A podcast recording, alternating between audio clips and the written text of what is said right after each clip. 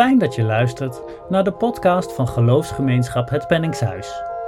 Wij zijn een vrijzinnig christelijke geloofsgemeenschap uit Deventer. Bij ons staat ieders keuzevrijheid voorop. Je mag er zijn wie je bent, of je nu gelovig bent, op zoek of alleen nieuwsgierig. De Bijbelverhalen zijn voor ons een belangrijke bron van inspiratie, maar we laten ons ook inspireren door moderne literatuur, muziek, films en cartoons. In onze gemeenschap staan we midden in de moderne samenleving en hebben we oog voor de actualiteit en de wereld om ons heen. Ben je geïnteresseerd in wie we zijn of wil je een keer een dienst live bijwonen of streamen? Kijk dan op onze website hetpenningshuis.nl. Je kunt vragen en opmerkingen e-mailen naar info hetpenningshuis.nl.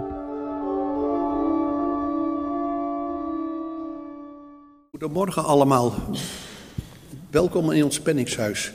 Mijn naam is Bert Kolmoes. Ik ben vandaag uw gastheer. Als er nog vragen of opmerkingen zijn, hoor ik dat graag aan het eind van de dienst. De dienst wordt voorgegaan door dominee Tan uit Haarlem. Het orgel wordt bespeeld door Bert Korvenmaker. De uh, collecte straks is voor Amnesty, Amnesty, International en die wordt door Pieter uh, Geurts uh, toegelicht.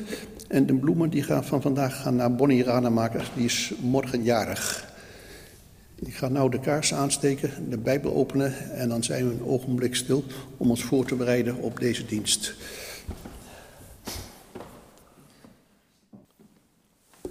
Ik wens ons allen een goede dienst.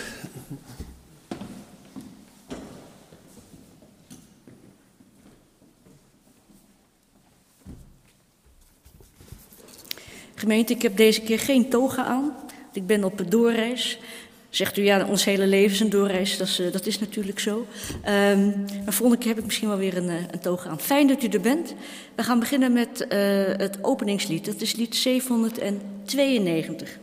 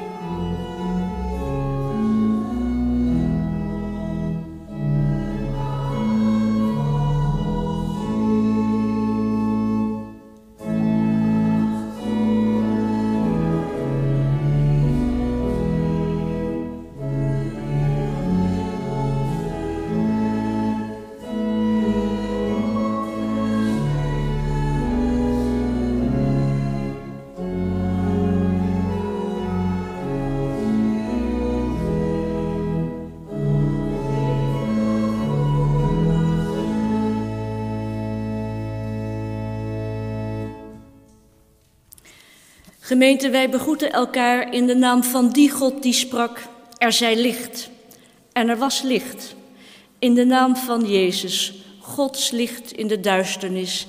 In de naam van de Heilige Geest die mensen aan het licht brengt. Ik spreek ons fotum uit. Ons samen zijn dragen wij op aan de eeuwige, die liefde is en grond van ons bestaan, die ons stelt in zijn licht en ons roept om dienstbaar te zijn, die ons vrijheid geeft en ons vertrouwen vraagt voor een wereld van vrede. Vrede zij u.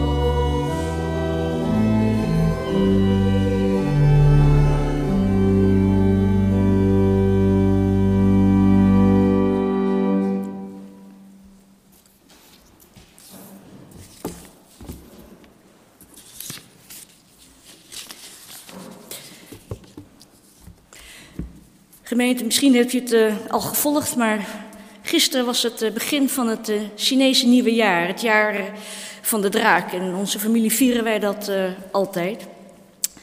En ik had erover met een Nederlandse vriendin, die natuurlijk niet viert, van dat de bedoeling is dat je op nieuwjaarsdag dat je dan bami eet, want dat brengt geluk. Chinezen, dat zeggen de Chinezen.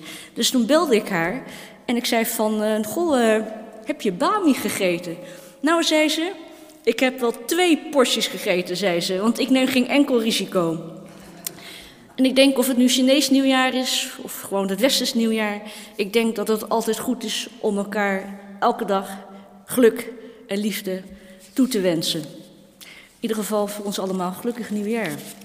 We zijn even stil en dan ga ik u voor in gebed.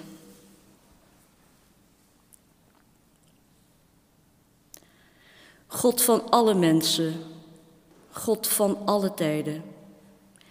Hier zijn we weer om een eredienst te wijden aan U, bron van ons bestaan.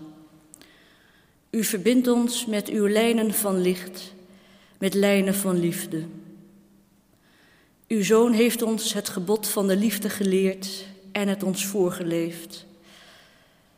Maar u weet het, wij weten het. Het lukt ons niet altijd om met liefde om met genegenheid met elkaar om te gaan, om zorg te dragen voor elkaar en voor de aarde, zoals u van ons verlangt. Het komt door onze onbeholpenheid, onze trots, onze kwetsbaarheid, onze angst, het denken aan ons eigen belang. Barmhartige God wil ons dan vergeven en helpen om het anders, om het beter te doen om mensen te zijn die een goed en rechtvaardig leven leiden. Met gerechtigheid en vrede als doel, met uw licht en uw liefde als oriëntatiepunt. Om mensen te zijn die uitzien naar uw koninkrijk. Eeuwige, u bent aanwezig in wat er leeft, bloeit en groeit om ons heen. U bent in de mensen om ons heen en daarmee ook in onszelf. Laat ons dan leren van uw liefde, uw geduld, uw mildheid en het uitdragen. Laat ons uw aanwezigheid voelen, hier in dit uur en alle dagen van ons leven. Amen. In deze gemeente kunnen we ook weer tussentijd zingen. Uh, ik vind dat een hele mooie bundel. Uh, we zingen lied 127.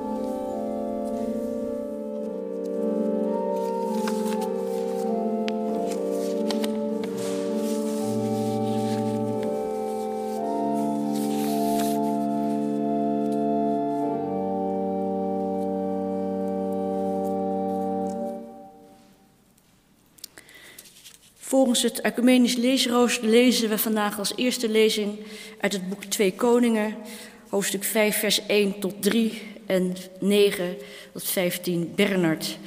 Het verhaal speelt zich af in de 9e eeuw, ongeveer 850 voor Christus. En het grote rijk van David en van Salomo, dat is uit elkaar gevallen. En er zijn allemaal verschillende koningen die het allemaal niet even goed doen. En dan zijn er ook meerdere profeten. En in het Noordrijk, Israël, is er dan de profeet Elisa, opvolger van Elia. En in die tijd is dan de koning van, uh, van het Aramese volk, koning Ben-Hadad II. En die heeft een, uh, een bevelhebber, Naaman. Dus we gaan het verhaal horen van Naaman. 2 Koningen 5, 1, 3.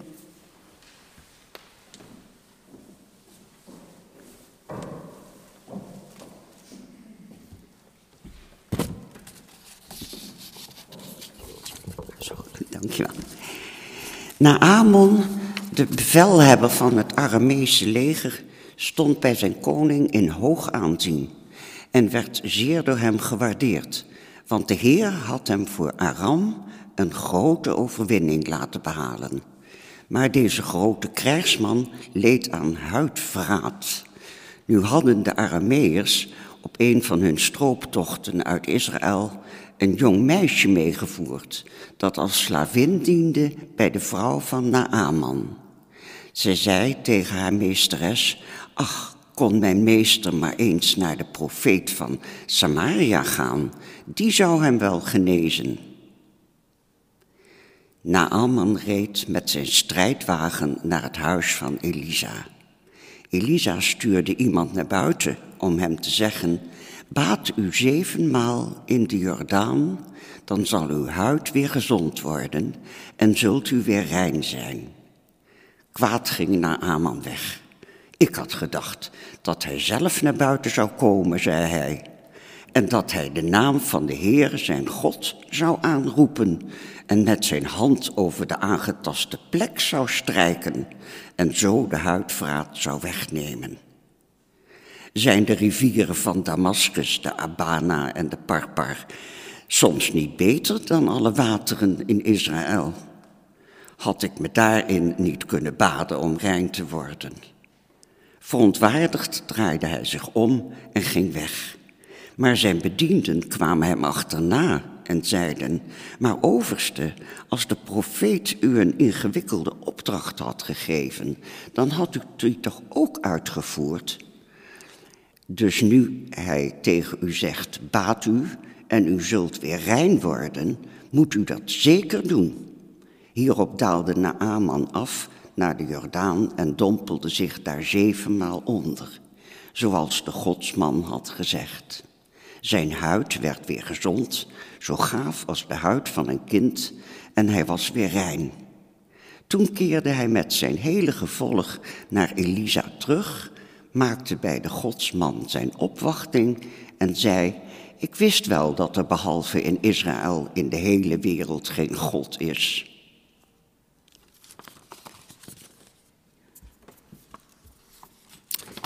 Wij zingen nu lied 174.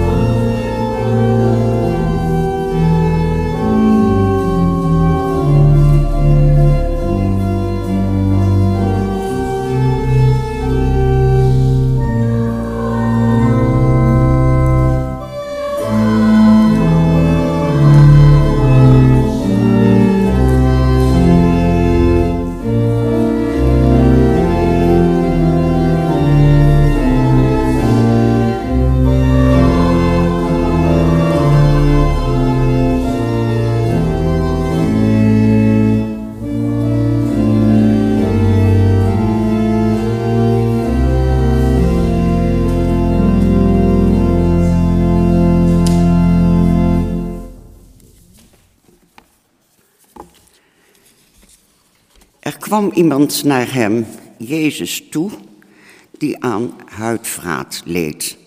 Hij smeekte hem om hulp en zei, terwijl hij op zijn knieën viel, Als u wilt, kunt u mij rein maken. Jezus kreeg medelijden, stak zijn hand uit, raakte hem aan en zei, Ik wil het, word rein. En meteen verdween zijn huidvraat en hij was rein. Jezus stuurde hem weg met de ernstige waarschuwing. Denk erom dat u tegen niemand iets zegt, maar ga u aan de priester laten zien en breng het reinigingsoffer dat Mozes heeft voorgeschreven als getuigenis voor de mensen. Maar toen de man vertrokken was, ging hij overal breed uit vertellen wat er gebeurd was. Met als gevolg dat Jezus niet langer openlijk in de stad kon verschijnen, maar op eenzame plaatsen buiten de stad moest blijven. Toch bleven de mensen van alle kanten naar hem toe komen.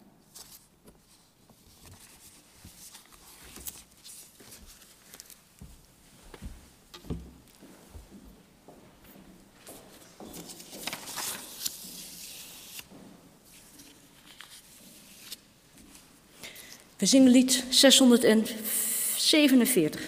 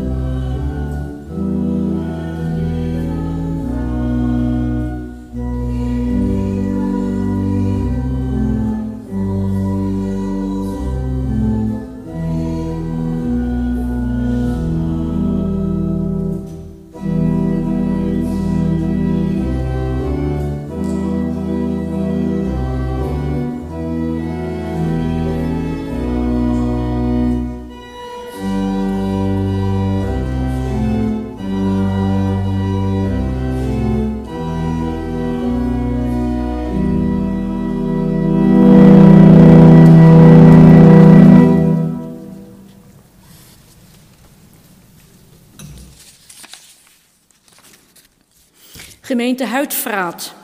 Een woord waarbij ik aan de gedachte alleen al toch een beetje jeuk krijg. Het woord komen we tegen in een nieuwe Bijbelvertaling en dat is een betere vertaling voor het Hebreeuwse woord tsarat. Dat staat eigenlijk voor uh, lichte, witte huidvlekken, dat vroeger met melaatsheid weergegeven werd in onze vertaling. Maar die ziekte kwam destijds niet voor in het Midden-Oosten. En nu wordt tsarat ook gebruikt bij dingen als muren en als stof. Als die zijn aangetast, dan spreekt de nieuwe Bijbelvertaling van vraat. En als de huid dus is aangetast, dan spreken we over huidvraat. Maar wat voor huidziekte het ook precies was, dat weten we niet meer precies. Als je eraan leed, dan had je toch wel een groot probleem. Dan was je onrein. En onrein zijn, dat had grote gevolgen in het bestaan van de mensen. Je mocht bijvoorbeeld niet meedoen aan de eredienst in de tempel. Je moest geen contact hebben met mensen.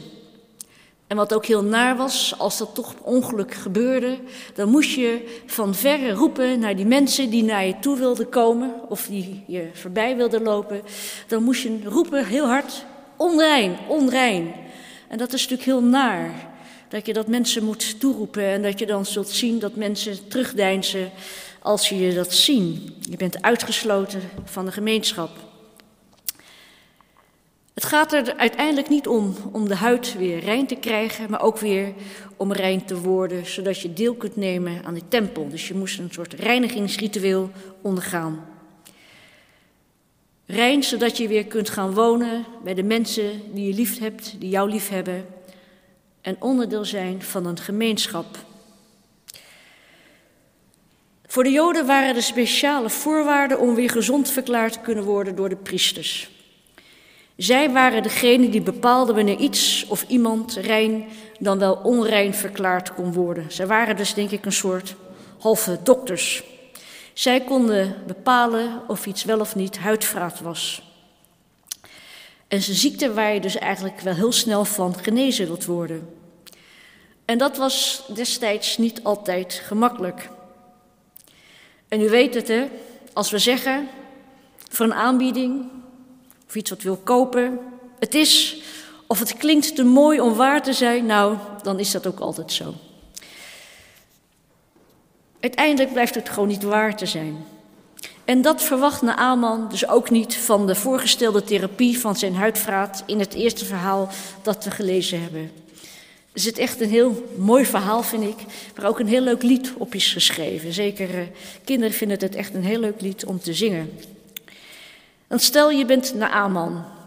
Je bent een buitengewoon belangrijke man. Je bent bevelhebber van het leger van Aram, een land ten noorden van Israël, waar je mee in oorlog bent.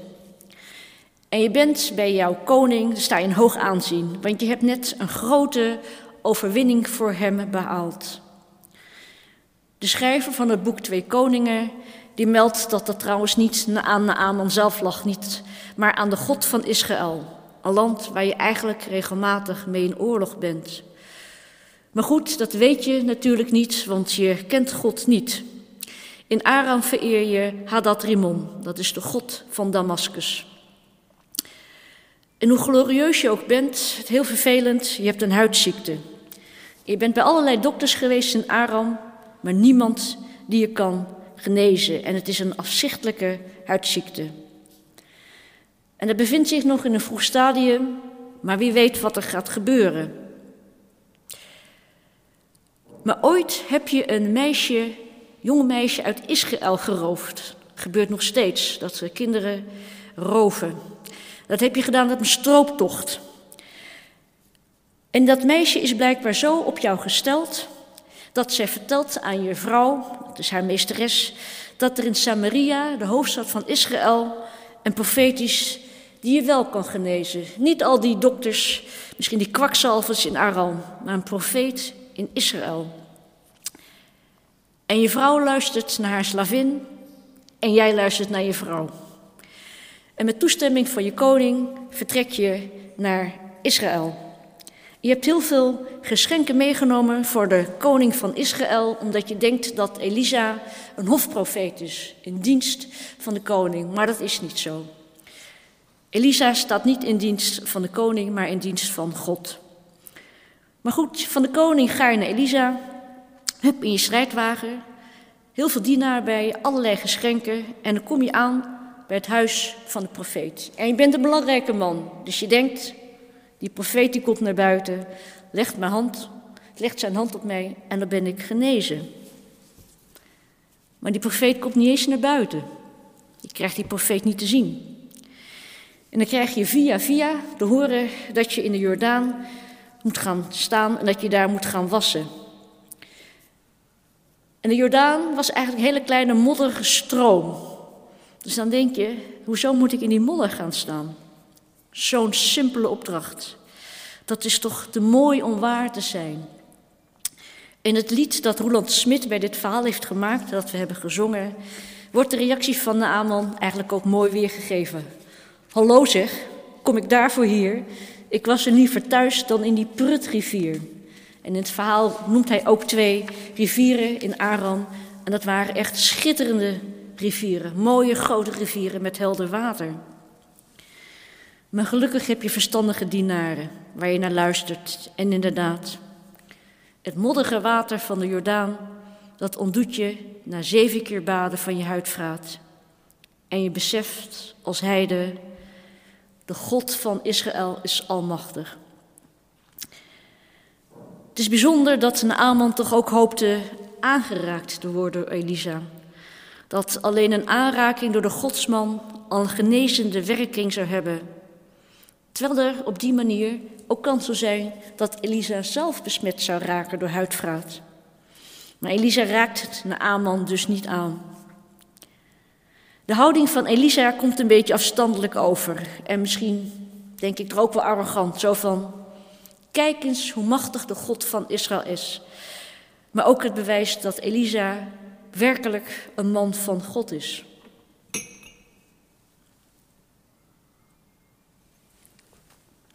Jezus, zoon van God, die kent dit genezingsverhaal van Elisa.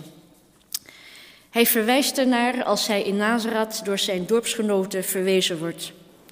En dat komt voor in het Evangelie naar Lucas. En dan zegt hij: In de tijd van de profeet Elisa waren er veel mensen in Israël die leden aan huidvraat. Toch werd niemand van hen gereinigd, maar wel de Syriër Naaman. Met andere woorden, God zal zich ook richten op niet-Joden, op heidenen. In de tijd dat Israël afgoden vereerde, in het midden van de negende eeuw voor Christus, tijd van Elisa, erkende notabene een heide, een buitenlander, een Syriër, God als de enige ware God. En blijkbaar was het volk van Israël toen, en ook in de tijd van Jezus, een hartleers volk. En Jezus geneest iemand van huidvraat, maar geen vreemdeling. Iemand van het eigen Joodse volk. Iemand met wie je eigenlijk liever niet gezien wilde worden. En niet wilde dat je hem aanraakte of dat hij jou aanraakte, om ook anders onrein te worden. En je moet maar zien hoe je in je levensonderhoud voorziet. En niemand heeft medelijden met je. Maar dan hoor je van die bijzondere rabbi uit Galilea die rondtrekt met zijn leerlingen en allerlei zieke mensen geneest en ook geesten uitdrijft. Iemand die blijkbaar niet bang is om letterlijk vuile handen te krijgen. En je weet, als hij het wil, kan hij je genezen. Het is je laatste kans, je hoort dat hij in de buurt is en je valt op je knieën voor hem. Maar je mag hem niet aanraken, dat weet je. Maar als hij demonen uitdrijft zonder die bezeten mensen aan te raken, dan kan hij je misschien ook wel met woorden van je huidvraat genezen. Het zou te mooi zijn om waar te zijn. Maar we lezen. Jezus kreeg medelijden, stak zijn hand uit, raakte hem aan en zei: Ik wil het, word rein. En meteen verdween zijn huidvraat en hij was rein. Jezus is zo begaan met die man dat hij hem wil aanraken. Hij deinst er niet voor terug dat hij misschien zelf onrein kan worden of besmet kan worden met huidvraat. Voor Jezus stelt alleen het geloof van de man en zijn lijden. Vandaag heeft het Ecumenisch Leesrooster deze twee verhalen aan elkaar gekoppeld. De genezing van huidvraat van een heide en van een jood. De verhalen gaan over vertrouwen over vertrouwen in God, in het jezelf toevertrouwen aan God. In het eerste verhaal lezen we over een almachtige God, in staat om mensen van de vreselijkste ziektes te genezen met een minimale inspanning van de profeet. In het tweede verhaal lezen we ook over een almachtige God, maar vooral toch over een barmhartige God. Een God die de mensen aanraakt en raakt en meeleeft met hun ellende. En dat is ook wat Marcus schrijft. Jezus kreeg medelijden, stak zijn hand uit, raakte hem aan en zei: Ik wil het, word rein.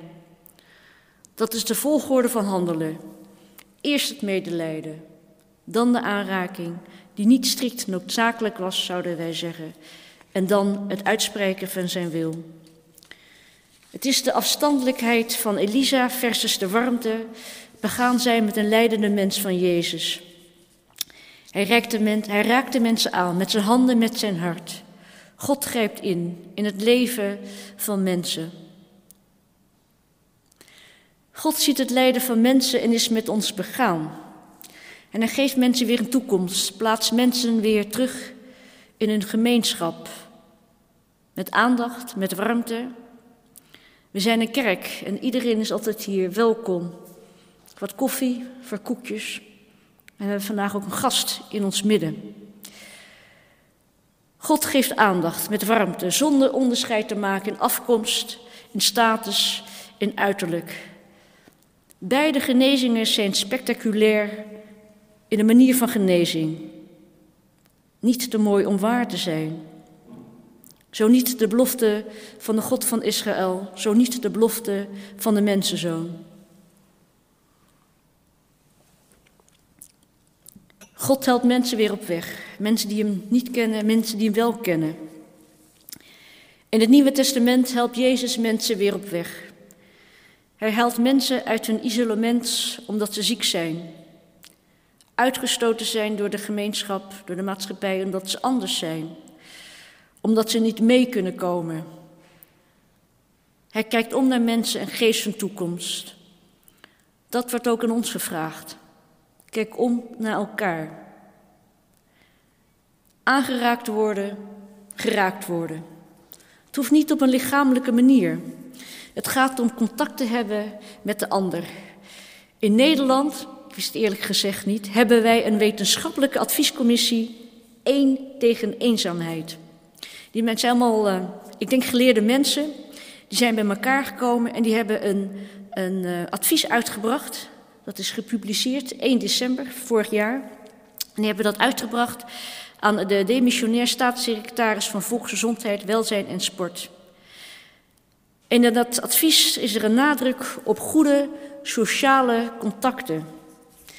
En die commissie doet onder andere de volgende aanbeveling tegen eenzaamheid, wat toch een heel groot probleem is in onze samenleving.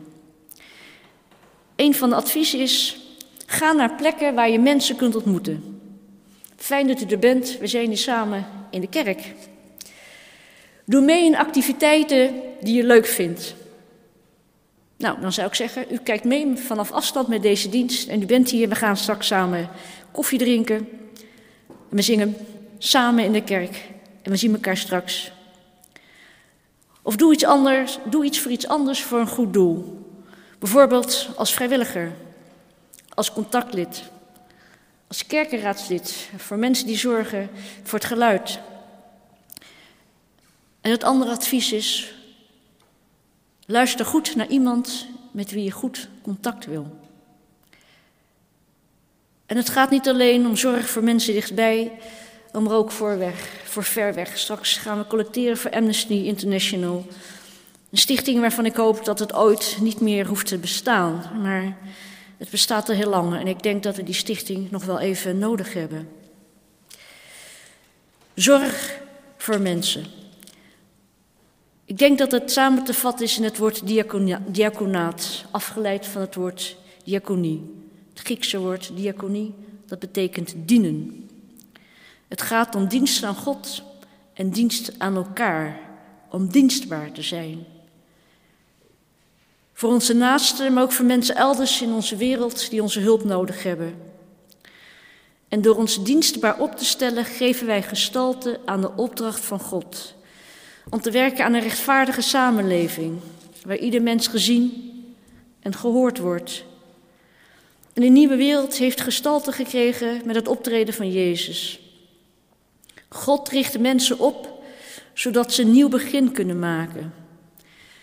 En wij hebben daar geen spectaculaire wonderen voor nodig. Het mag wel, maar het is niet nodig. Want wij weten dat er iets groots staat te gebeuren en het is eigenlijk al begonnen. Amen.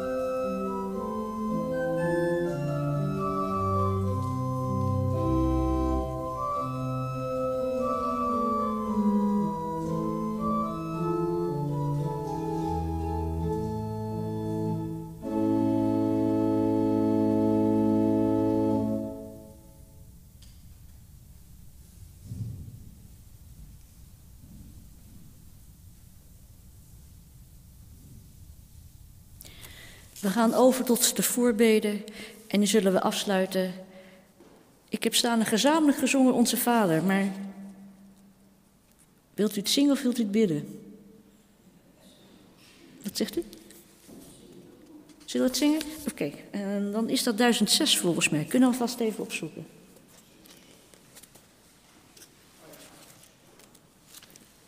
Nee, het is niet 1000, het is niet 1006. Het is. Uh,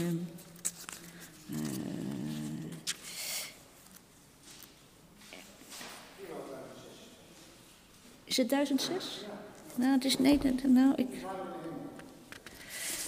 Even kijken. Even kijken. Oh, nou, inderdaad, 1006. Oké. Okay.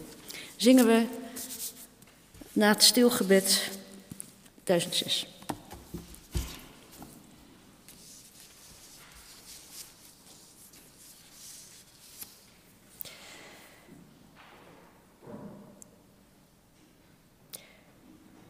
Eeuwige, wij bidden voor deze wereld waar veel verdriet is, mensen ziek zijn, mensen geen toekomst hebben omdat zij in een oorlogsgebied wonen. Even, wij bidden voor deze wereld, voor de mensen die een einde kunnen maken aan ellende voor zoveel mensen. Voor de mensen die een toekomst kunnen bieden voor anderen. Heer, ontferm u over uw wereld. Ever, wij bidden voor de mensen die zich eenzaam en verlaten voelen. Wij bidden voor onze zieken en voor degenen die voor hen zorgen. Eeuwig sta ons bij en kijk naar ons om. Ontferm u over ons. Eeuwige, wij willen u ook danken voor de mensen die handen en voeten geven aan een geloof, die contact maken met zoveel mensen, die opkomen voor anderen die dat zelf niet meer kunnen. Wij bidden voor de mensen wiens geloof ongebroken blijft in moeilijke tijden en die blijven strijden tegen onrecht. Eeuwige, sta ons bij.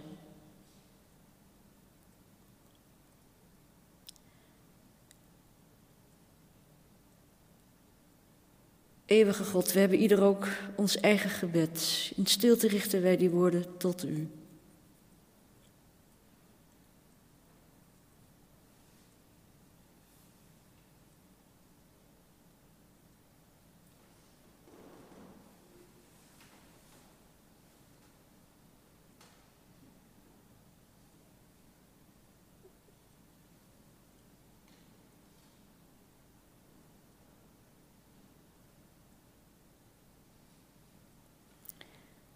zingen wij samen met onze Vader.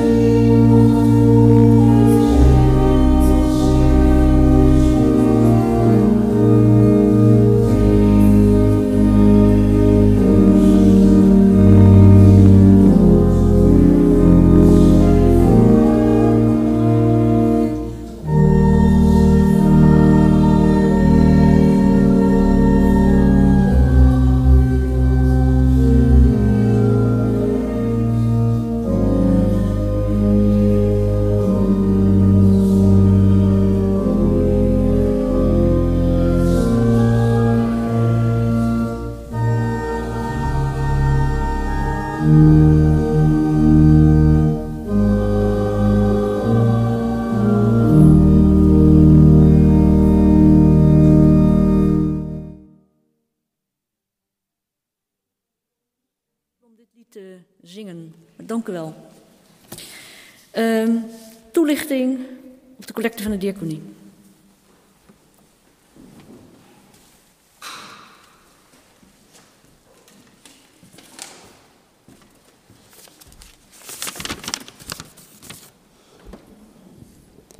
Zoals gezegd, uh, Amnesty is um, de organisatie waarvoor we vandaag collecteren.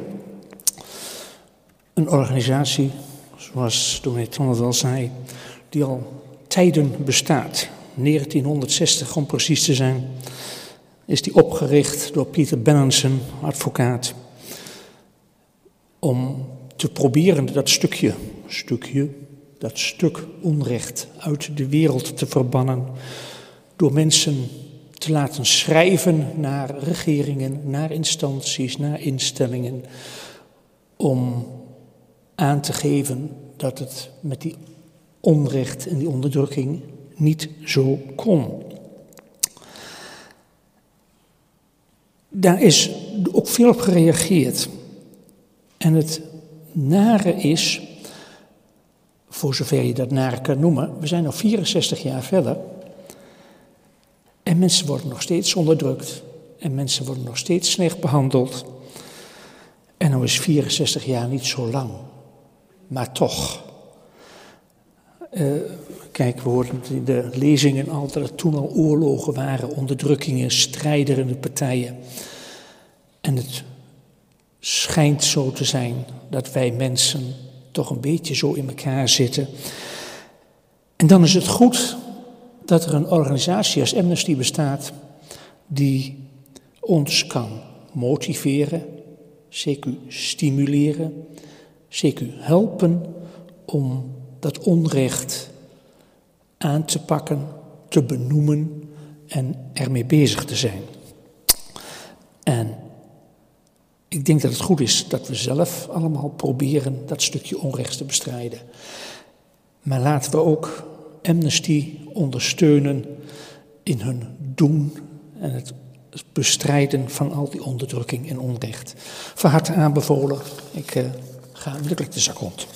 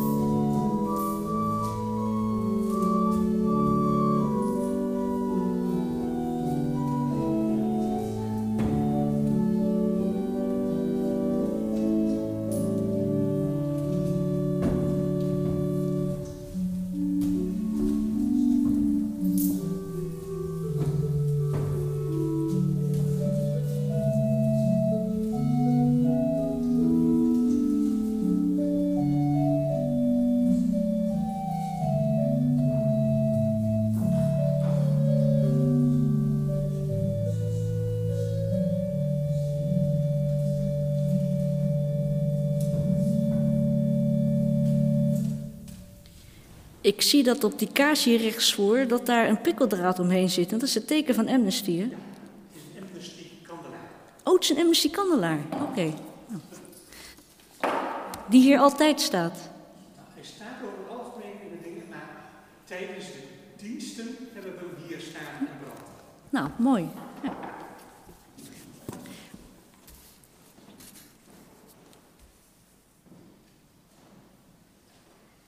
We zingen als slotlied 416.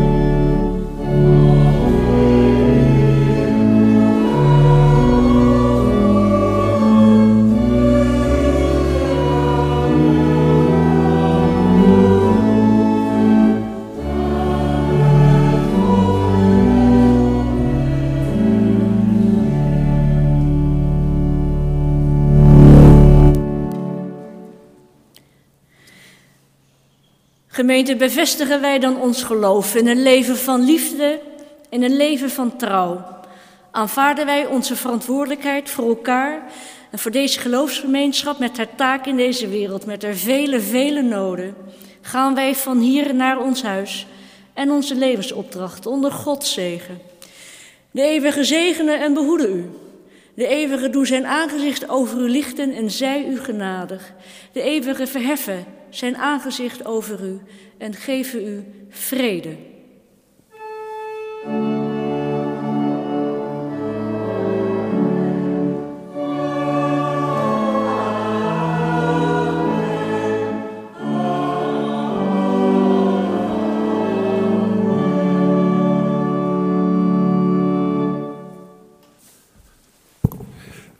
Kaarsen zijn gedoofd, de Bijbel is gesloten, maar we nemen het licht en het woord mee de wereld in.